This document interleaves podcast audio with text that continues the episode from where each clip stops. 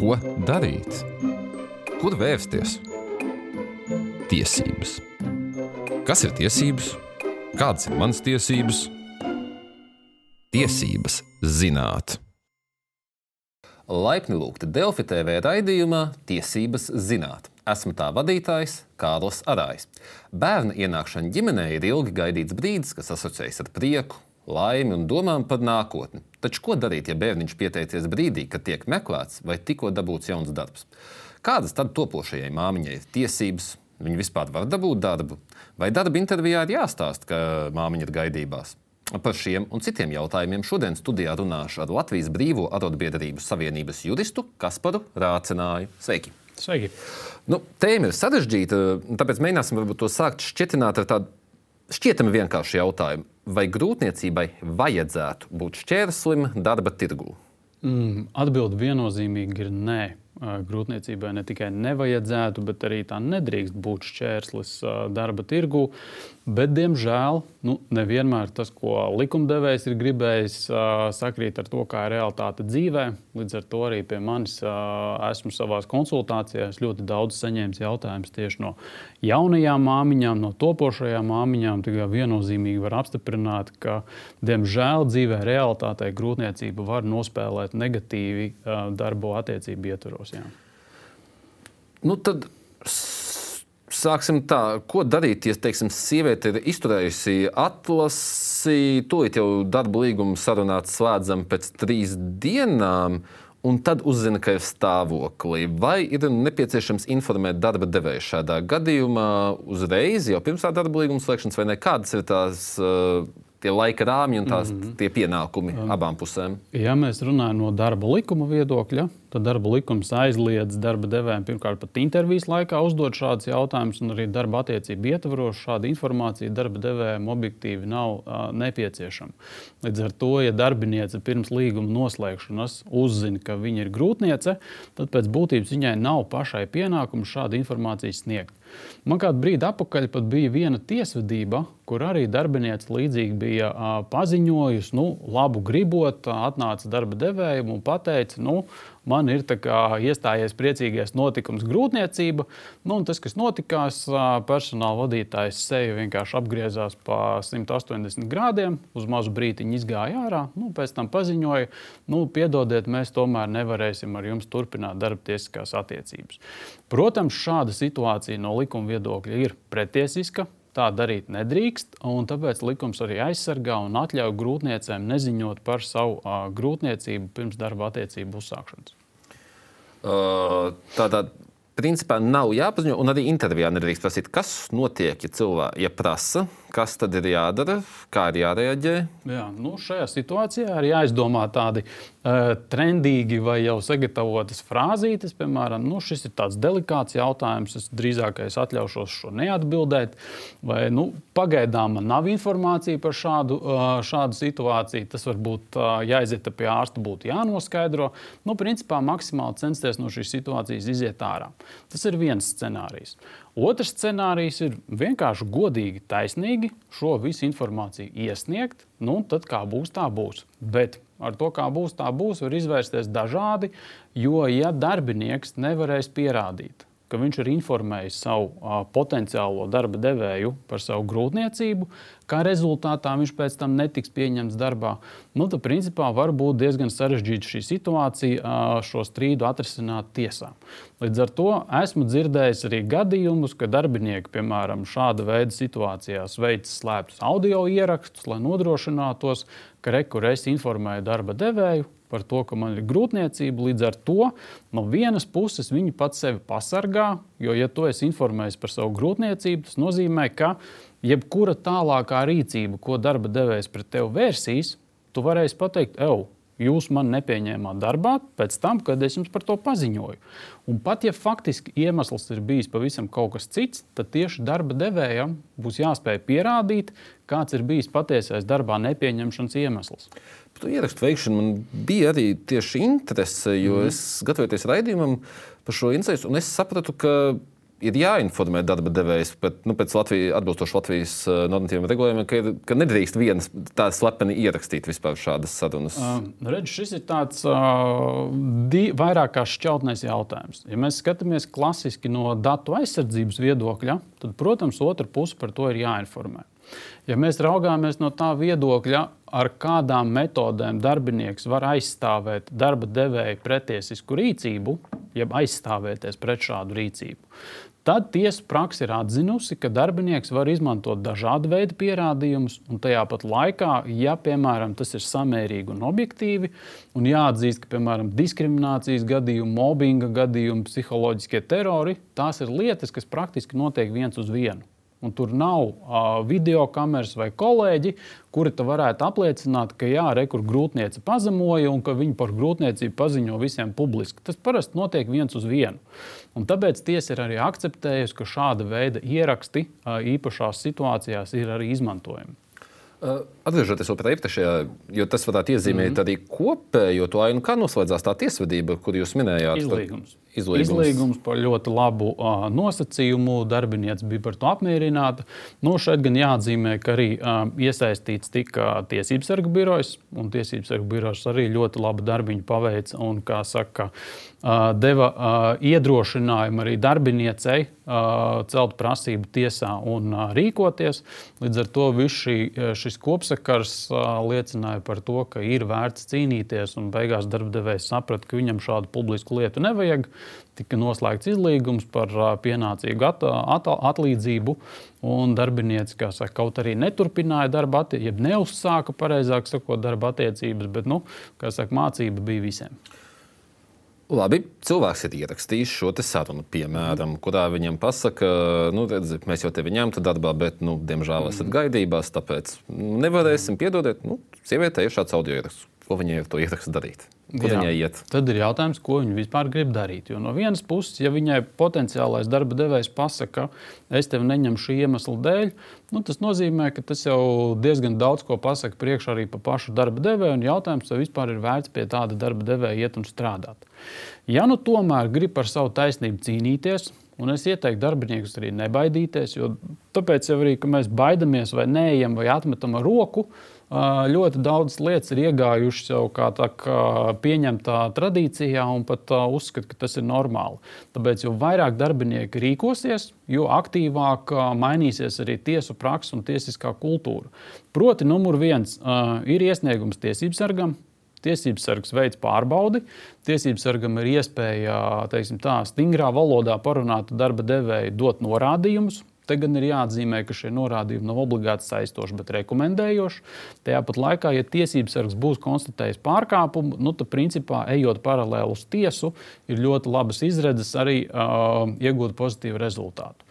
Tas, ko uzreiz var pateikt, ja grūtniece nav pieņemta, piemēram, darbā, nu, tu nevari piespiedu kārtā šīs darba attiecības nodibināt. Līdz ar to šajā situācijā tu nevarēsi prasīt, lai ar tevi nodibina darba līgumu, bet varēsi prasīt kompensāciju.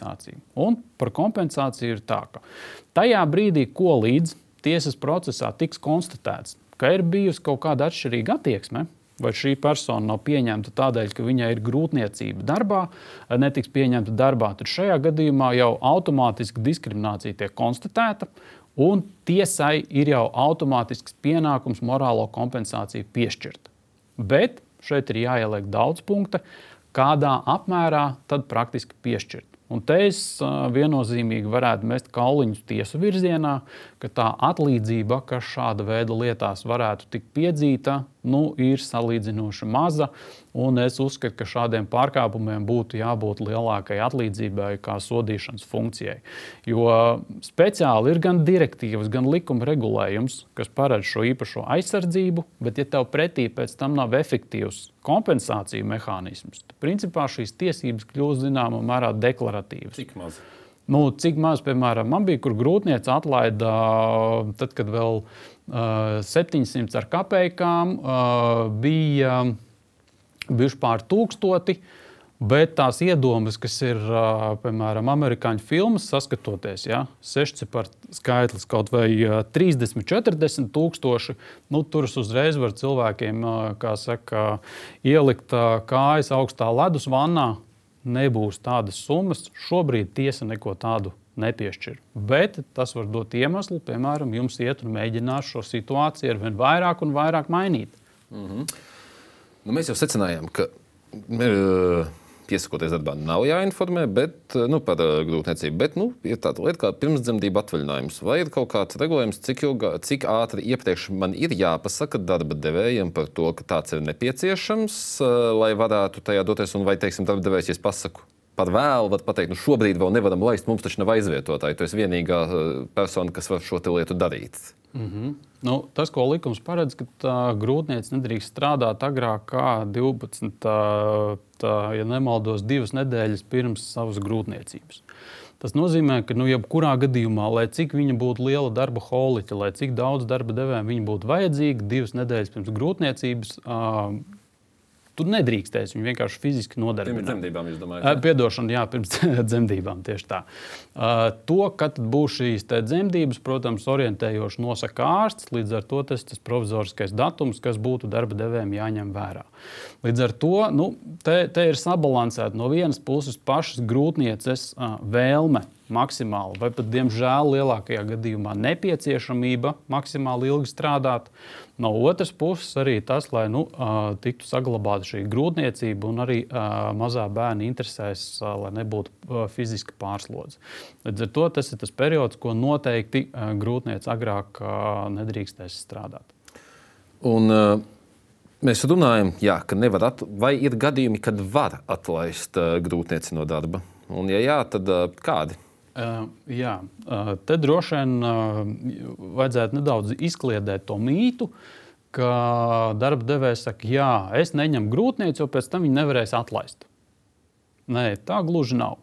Grūtnieci jūs varat atlaist, ja viņa pārkāpj darba kārtības noteikumus, ja viņa nepienācīgi strādā, uh, Kā saka, visi šie pārkāpumi, vai nedod Dievs, atnāk uz darba alkohola, narkotiku reibumā, būtiski pārkāpj darba drošības aizsardzības pasākums. Viss tas, kas ir norādīts kā parastu darbinieku atlaižu, kā saka, saistībā ar pantu par pārkāpumu, tieši tāpatās mēs drīkstam atbrīvot arī šo grūtnieci. No tā viņa pasargāta nav. Tajā pat laikā, piemēram, atlaist pārbaudas laikā, tāpēc ka pārbauda nav izturējusi, vai, piemēram, atbrīvot no darba tādēļ, ka trūks profesionālās spējas vai pēc darbinieku skaita samazināšanas. A, šajos gadījumos jūs atlaist grūtnieci nedrīkstēsiet. Un tur gan viņai ir paredzēta īpaša aizsardzība. Jā. Tātad, ja darbinieks ir izdomājis superīgo plānu, teikt, ah, mēs samazinām status, nu, slēdzam apusējo vienošanos, tad grūtniece var teikt, nē, Nu, nevaram tā. Ja? Jā, jo vienošanās, kā jūs minat, protams, ir klasiski pirmais solis, ko piedāvā darba devējs. Jo tādējādi tas ir visizdevīgākais darba devējam, jo praktiski un šeit arī jāņem vērā nianse. Ja darba devējs būs iedevis uzteikumu, darbiniekam no strīdus pozīcijas šo uzteikumu tiesā apstrīdēt ir vieglāk. Jo darba devējiem būs jāpierāda, kāpēc uzteikums ir noticis. Savukārt vienošanās ir abu pušu savstarpēja saskaņa. Līdz ar to, ja darbinieks būs piespiests, viltus, maldības, nedod Dievs vēl spaidu dēļ, tad šajā gadījumā tas viss būs jāpierāda darbiniekam, ka tā vienošanās ir bijusi ar defektu vai principā ir bijusi fiktīva, viltus un tā tālāk iespējā. Līdz ar to nu, um, jūsu piedāvātais ceļš, darbinieks skaita samazināšanu, apiet ar vienošanos. Uh, jā, šādā veidā ar grūtnieci izbeigt darba attiecības var. Līdz ar to grūtniecei ir jābūt uzmanīgai, ko viņa paraksta. Nu šeit, kā jebkuram. Es gribēju tieši teikt, ka šeit ir tas tīpaši, jā, jebkuram, bet tīpaši sievietes stāvoklī, tad, un darbdevējs ar kaut ko šādu nāk, tad eh, vēlams tomēr trīsreiz pārlasīt un apjautāties varbūt kādam mm. juristam vai ko, jo ir dzirdēti šādi gadījumi. Mm. Es pieņemu, jūsu praksē ir bijuši šādi gadījumi arī, vai ne? Nu, tā ir klasika. Tā ir klasika, kad ar vienošanos mēs apējam tās lietas, kas darba devējiem būtu. Un Kas notiek, ja paraksta šādu? Vai ir kaut kāda arī pieredze, ka tomēr izdodas pierādīt, ka šis nu, galīgi nebija godīgi un kaut kā saglabāt to situāciju pēc tam? Grūtnieču atbrīvošana caur vienošanos man nav bijusi pieredze, es neesmu dzirdējis. Tāpat laikā neizslēdzu, ka ir bijuši tiesas praksē gadījumi, kur apstrīd šādu vienošanos. Bet no praktiskā viedokļa, kā jau teicu, tā pierādīšanas nasta, lai apstrīdētu vienošanos, ir pietiekami augsta. Lai nu, tur ir jābūt īpašai līdzjūtībai vai kaut kādiem specifiskiem pierādījumiem, lai vienošanos varētu atzīt par spēkā nēsošu. Pārējos gadījumos tas ir, ja var teikt, spriedums pašam darbiniekam, ja viņš ir šo vienošanos parakstījis. Un vēl viena interesanta situācija, kas var rasties, ir diezgan bieži ir pozīcijas, kas ir uz noteiktu laiku. Piemēram, uz pusotru gadu, jo mm. iepriekšējais kolēģis ir varbūt devies bērnu kopšanas atvaļinājumā, dekrētā, un cilvēks pieņemts darbā un arī iestājas grūtniecību. Kā tad sanāk, vai tad, kad beidzas šis te, šīs te jau tagad pieņemtā mm -hmm. BKA, Vai tad var iet arī uz darba vietu un teikt, pieņemiet mani līdzvērtīgā pozīcijā, kā tas būtu parastā mm -hmm. gadījumā, vai te būs citi kaut kādi apstākļi? Jā. Tātad um, sākam sastruktūrējumu par pirmo cilvēciņu, kurš bija aizgājis bērnu kopšanas atvaļinājumā. Tātad šim cilvēkam likums paredz tiesību atgriezties atpakaļ iepriekšējā darbā. Bet, protams, var jau būt situācijas, ka, piemēram, ekonomiskā krīze, uzņēmums pārstruktūrējās, mainās tirgi un tā tālāk, tehnoloģijas. Viņš veids, piemēram, šīs darba vietas likvidā, amata likvidāciju vai pārstruktūrējās un tā tālāk, kā rezultātā šī darba vieta vairs nav. Tātad, tāpēc likums ir paredzējis, ka tev ir jānodrošina līdzīgs vai līdzvērtīgs darbs. Pat ja tas nav tas pats, bet līdzīgs vai līdzvērtīgs. Līdzvērtīgu nosaka pēc uh, atalgojuma vai pēc. Jā, un šeit mums arī uh, nesen bija Arotbiedrības Savienībā darba tiesību fórums, ko var noskatīties. Tur tieši tika runāts par tiem kritērijiem, ko nozīmē vienāds, vienādas vērtības darbs, un tur kritēriji ir daudz un dažādi. Proti, kā jūs minējāt, pirmkārt, mēs skatāmies pēc funkcijām, vai tās ir līdzīgas. Uh, ļoti būtiska lieta ir atalgojums. Proti, uh, Pat ja tev ir funkcijas līdzīgas, bet tu darbiniekam, kuram bija 1300 eiro, atnākot tā atpakaļ, tu viņam saki, re, kur līdzīgs darbs, bet būs tev par 700 eiro.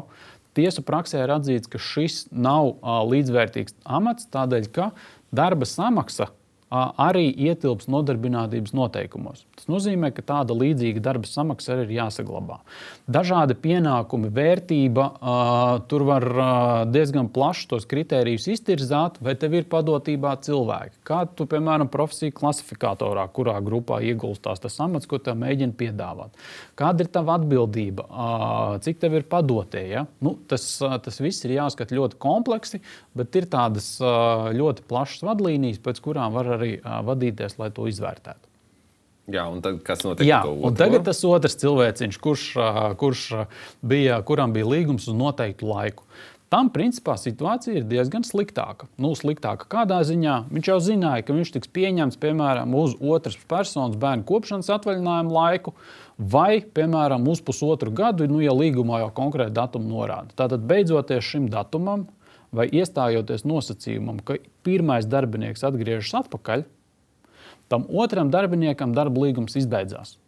Vienalga, tu esi grūtniecības vai dzemdību atvaļinājumā vai bērnu kopšanas atvaļinājumā, tavs līguma termiņš izbeidzas. Un viss tas nav darba devēja uzteikums, uz to neatiecās attiecību izbeigšanas aizliegums. Vienkārši ar termiņu noticējumu vai apstākļu iestāšanos darba attiecības ir izbeigtas. Mm -hmm.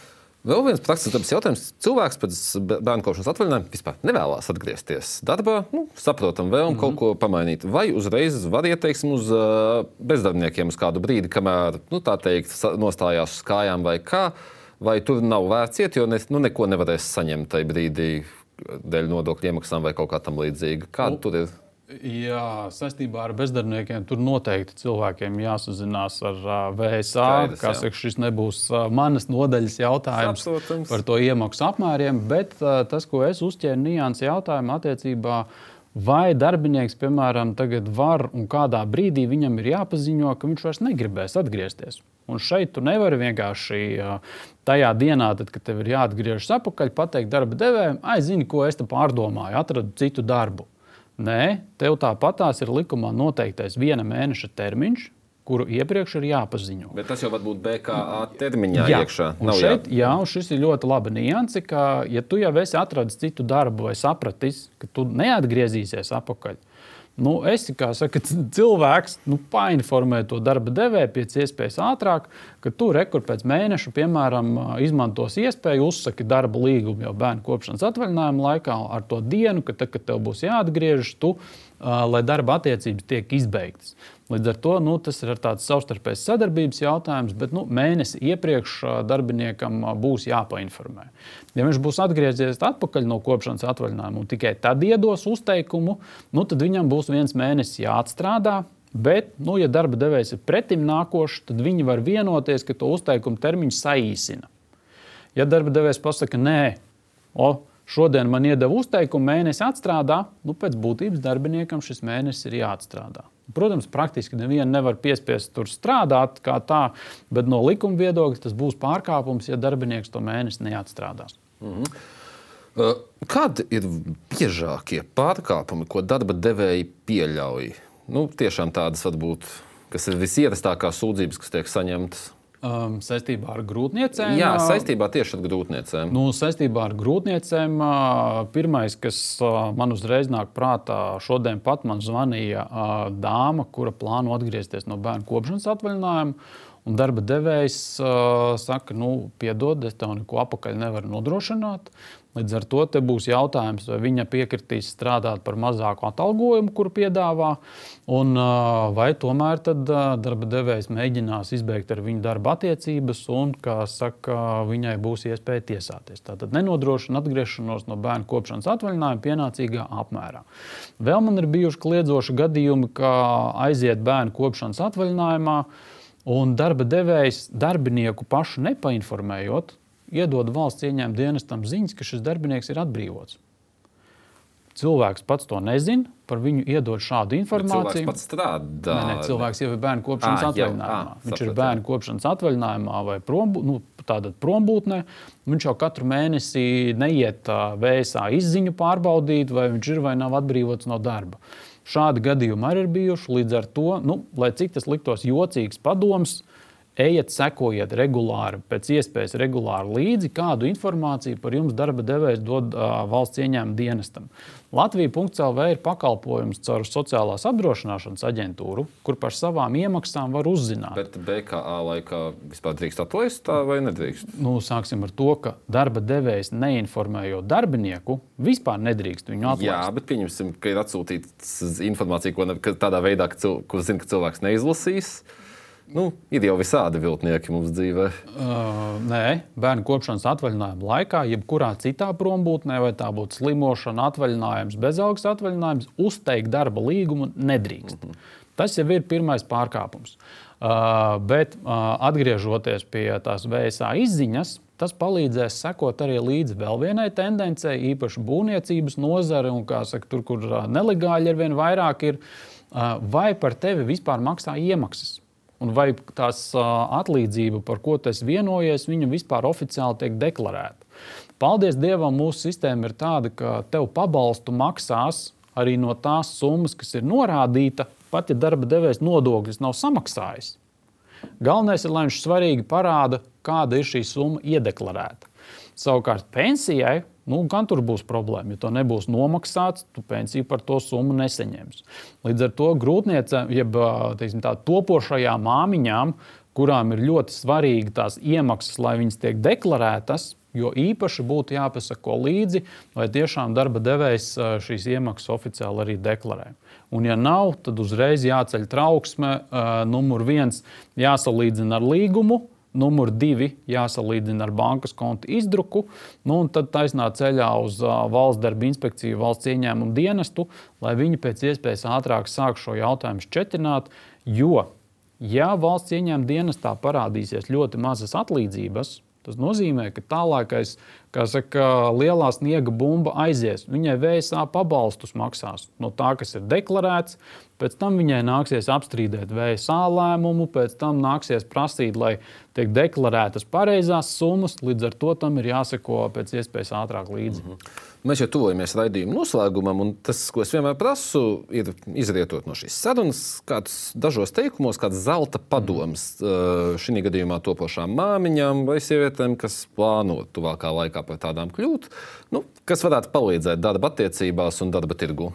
Jā, tad, tad pirmais, ko es ieteiktu pašām izvērtēt, vai jūs gribat vai negribat informēt par savu uh, īpašo stāvokli, bet ņemiet vērā arī priekšrocību, kas rodas, ja jūs par to darba devēju painformējat. Proti, jūs iegūsiet to, ka jebkura predarbība, kas ir nākusi no darba devēja, pēc tam, kad jūs painformējat par to, jums tā ir priekšrocība. Proti, jūs varēsiet izmantot argumentu, ka tādēļ, kā es painformēju, tādēļ darba devējs pret mani šādi rīkojas. Bet nodrošinieties ar pierādījumiem par to, ka jūs darba devēju informējat. Līdz ar to, jo vairāk jums būs WhatsApp chati, e-pastu sarakstas, darba liecinieki, jeb kādi pierādījumi, kuri jums pat nāk prātā vai pat šobrīd nevarat iedomāties, apdomājiet, kā jūs varat pierādīt jebko, kas jums darba attiecībās ir. Nu, tad jau tā dzīve pēc tam atnākot pie mums, saka, kuriem jūsu problēmas būs jānokopja, būs daudz vienkāršāk.